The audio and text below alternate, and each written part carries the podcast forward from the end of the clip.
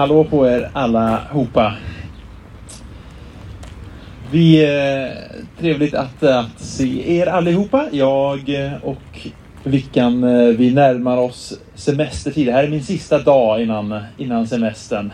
Sen så ser inte jag er på ett, ett litet tag tror jag. Försvinner vi iväg och så. Men idag är det trevligt att se er. Ni kanske kommer se mig lite här. Jag och Vickan har precis fått problem med våra toaletter hemma. Så det här är numera vår... Man får ta bilen hit helt enkelt. Så kanske att ni stöter på oss lite ändå. Eh, vi, så här ser jag det kristna livet och den kristna tron. Att jag ser att det är någonting som, är, som gäller hela livet och alla aspekter av livet. Jag ser att det är någonting som inte är en, en sidodel av livet utan någonting som får liksom genomtränga hela ens liv. Eh, och dels ser jag att det handlar om hela livet i form av att jag vet att det finns en Gud som, som alltid är med mig. Det finns någonting väldigt hoppfullt i det. Det finns ett, eh, ett stöd i det. Det kan finnas en, en tröst i det. Och sen så ser jag också att det finns eh, någonting meningsfullt i det. Det finns en, en mening att leva för. Det finns en mening med, med livet. Det finns ett uppdrag. Det finns saker att göra. Så på de två spåren ser jag att det handlar om, om hela, hela livet. Och vi är inne i, vi har ett litet sommartema som är eh, olika liknelser ur Matteus. Och eh, den liknelsen som jag har valt, jag ska säga som det är, jag valde sist. Så jag har inte haft jättestort val. Och det är väldigt självförvållat ska jag också säga. Eh, men jag har liknelsen om, eh, om pärlan, eller liknelsen om skatten. Det är två liknelser som säger samma sak och som båda är väldigt korta. Jag ska läsa dem. Så är Matteus 13 och 44 och framåt. Himmelriket är som en skatt som ligger gömd i en åker. En man finner den och gömmer den igen och i sin glädje går han och säljer. Himmelriket är också som en köpman som sökte efter fina pärlor. När han fann en mycket dyrbar pärla gick han och sålde allt han ägde och köpte den. Jag tror att eh, den vanligaste tolkningen på, på det bibelstället är att, att man har ett, ett evighetsperspektiv och att, att får man tag på, på relationen med Jesus och får man tag på alltså frälsning och evighet så är det värt mer än, än allt annat man kan få tag på i, i det här livet helt enkelt. För då är man ju tryggad i evigheten. Eh, och då, då är man med. Eh, och så tänker jag att det kan också finnas ett här och nu perspektiv av att man kan få, få hitta den relationen och, och ha en enorm glädje i det under livet här och nu. Och när jag tänker på det här med att en, alltså en man går och han, han säljer allt han har. Det är, mer, det är mer värt än allt han har för att få tag på det här. Eh, så tänker jag ibland på de här olika, det finns en del berättelser om människor som verkligen har gått liksom all in och som har gett sitt, sitt allt eh, för det här. En del av de berättelserna kan vi läsa i olika böcker. En del av er har säkert kanske läst den här Driven av kärlek eller eh, Ja men det finns sådana böcker om människor som går all in av dem. En av mina favoriter heter eh, Chasing the Dragon. Eh, det betyder att jaga draken och det är ett, ett uttryck för att, att eh, eh ta heroin. Eh, och eh, boken handlar om en, en, det är en kvinna, hon heter Jackie Pullinger. När hon är runt 20 år så upplever hon att Gud kallar henne ut på missionsfältet. Men det är ingen som vill, vill sända henne och det är ingen som, som tror på henne och litar på att det kan vara från Gud. Så till sist så köper hon bara en... Eh, hon åker inte genom någon organisation eller något utan hon får köpa en egen båtbiljett på en båt som bara kommer åka från hamn till hamn runt om i världen. Så åker hon och så ber hon vid varje hamn. Gud, är det här jag ska vara? Är det här du vill ha mig? Nej. Och så åker de vidare. Och till slut så kommer båten fram till Hongkong. Där hon upplever att det är här. Det är hit Gud kallar mig. Och så får hon gå i land med eh, noll kronor på fickan och börja någonting. Men någonstans har Gud omsorg om henne hela tiden. Och hon gör massor med, med spännande saker. En av mina favoriter är att hon hon pratar med en, en man som äger massa bordeller. Eh, och eh, berättar för honom om, om Jesus och om förlåtelse och han, han säger sitt ja och han får börja ett liv med Gud där. Och han är så glad över att han har hittat det här att han tar med henne på en tur till alla hans bordeller och säger nu kommer ni ut ur alla rum allihopa så ska ni lyssna på det här istället. Och så får man med och berätta. Så hon lever ett väldigt, väldigt intensivt och, och spännande liv i, i en av Hongkongs absolut svåraste områden helt enkelt.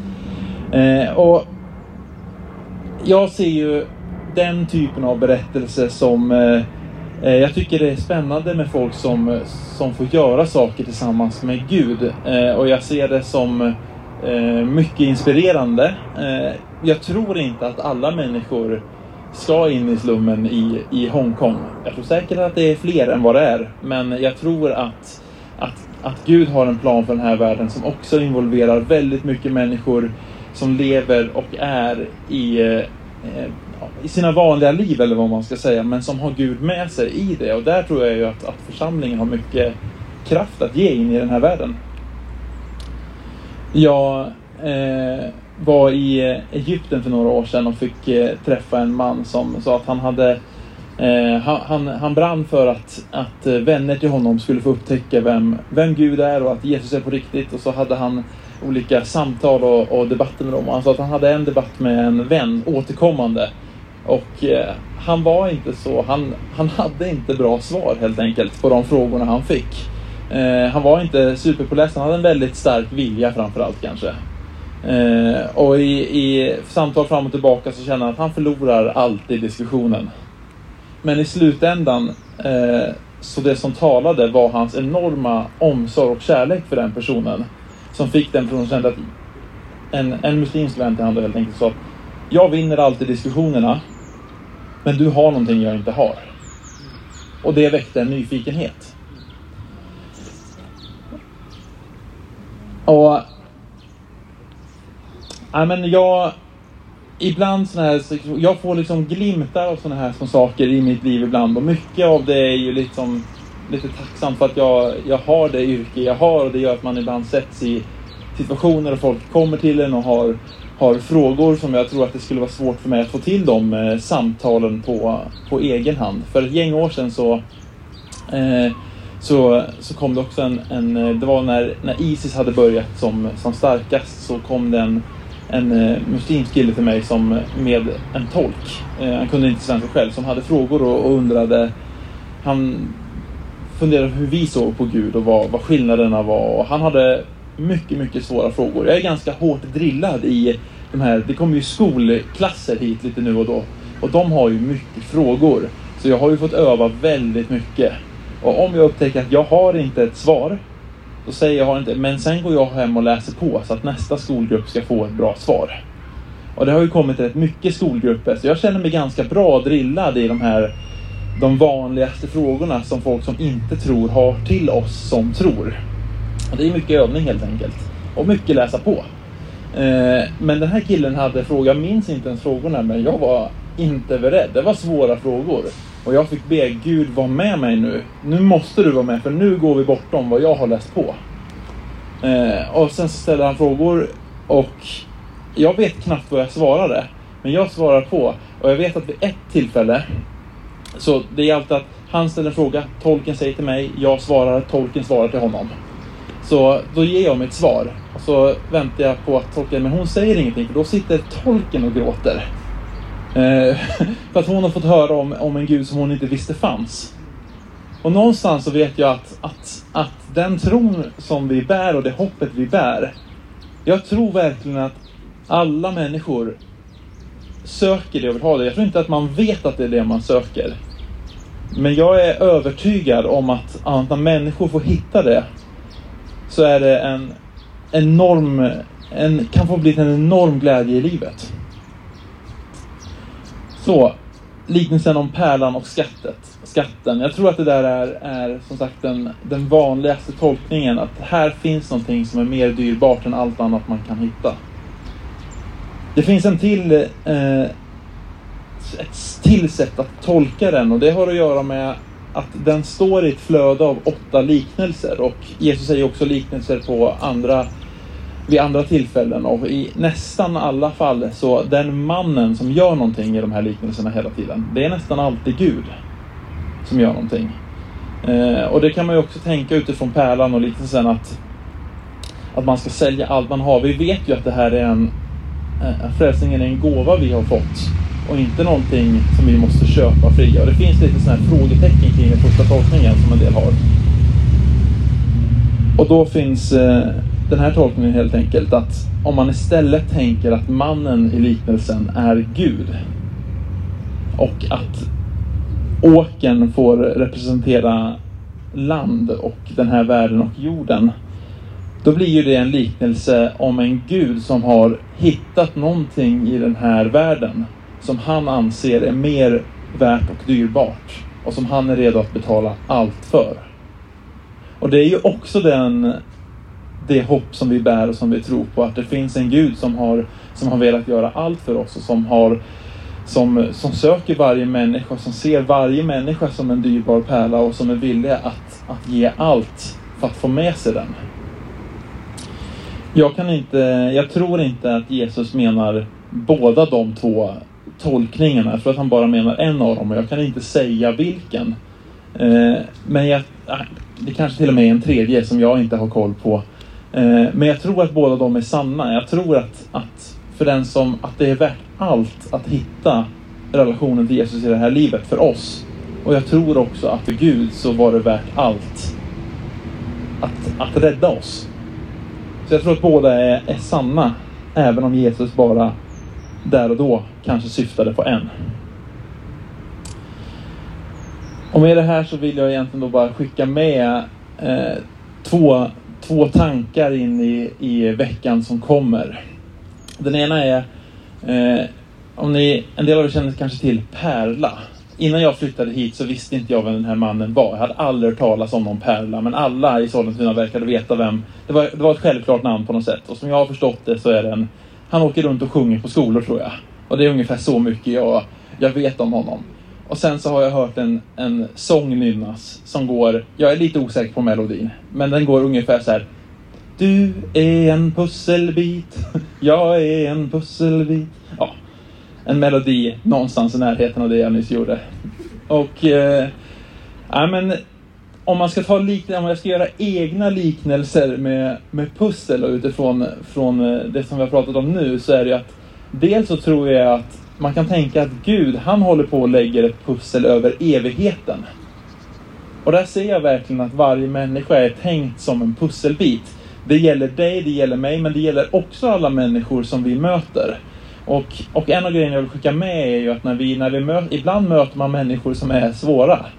Men även de är ju oerhört dyrbara i Guds ögon. Och alla människor vi möter är ju en människa djupt, djupt älskad av Gud. Och det tycker jag gör det lite lättare att tycka om en del människor. Och sen finns det människor som jag redan tycker om. Och då tycker jag om dem ännu mer. Så det är det, det, är det första. Det andra det är att om man tänker att Gud lägger till pussel som man håller på att lägga i den här världen som vi kan kalla för, för att Guds rike utbreds här och nu så tror jag ju också att han har gett oss små pusselbitar som vi får vara med och hitta platser för att lägga i det pusslet. Och nu har jag gett lite exempel då från människor som, som pratar om sin tro och som kanske diskuterar med andra och så. Jag tar de exemplen för att det ligger mig själv nära och för att, för att jag tycker det är roligt. Eller vad ska jag säga, jag tycker det är en viktig grej. Men jag vet att många tycker att det är en väldigt svår grej. Dels att få till samtalet och dels vad man ska säga om man väl hittar det samtalet någonstans. Men jag vill också understryka att jag tror att vi har så mycket olika att, att ge och jag tror att som den här egyptiske mannen att, att folk kan få upptäcka och ana att det finns någonting mer på våra liv och på hur vi är och vilka vi är i mötet med andra människor. Det tror jag kan tala starkare. Jag tror att, att eh, debattera tro med någon vinner sällan någon. Men, eh, men att visa på att det finns en Gud som bor i mig och det finns en kärlek där. Det kan säga mer tror jag. Och det tror jag att, att vi alla är, är kapabla till. Och så är vi lite olika. En del är starka socialt, en del är starka praktiskt. Och jag tror att man får bara se. Det är att jag tror att Gud lägger det här pusslet. och Jag tror att du har en bit att lägga i det och att, att se det och att se att, att med, med mitt liv och med ditt liv så får vi vara med när Gud gör någonting. Så de två sakerna vill jag skicka med. att Du är en pusselbit i Guds evighetspussel och så får vi också se på andra människor. Och det finns ett jobb att göra i den här världen. Och jag är övertygad om att du har pusselbitar även i det pusslet. Nu tror jag vi ska sjunga mer. Jag ber en, en bön. Du får gärna vara med och be. Tack Gud att, amen, att, att, att du har dött och uppstått för oss och att du har friköpt oss Gud. Att vi är dyrbara i dina ögon. Jag ber att vi ska få amen, bli lite bättre på att se andra människor på det sätt du ser andra människor och lite bättre på att förstå andra människor och att, att se hur dyrbara de är i dina ögon Gud. Jag ber att det ska få eh, finnas en, en längtan i oss att vara med och vara med i dina planer för, för den här världen och för evigheten Gud. Att vi ska få men se vad vi kan få vara med och göra. Tack att vi får vara med och, och ja, men uppleva saker tillsammans med dig och, och ja, men ha att våra liv får ligga i din hand Gud. Jag ber för alla som är, är här idag att i, i veckan som kommer Gud att, att, att du ska få vara en Gud som är närvarande och som är en Gud som är på riktigt för oss Gud. Att vi ska få se människor så som du ser dem och att vi ska få bli bara påminda gång på gång om att, att där vi går fram så får vi vara representanter för dig Gud. Jag bara ber att vi ska få, få representera det bra Gud. Amen.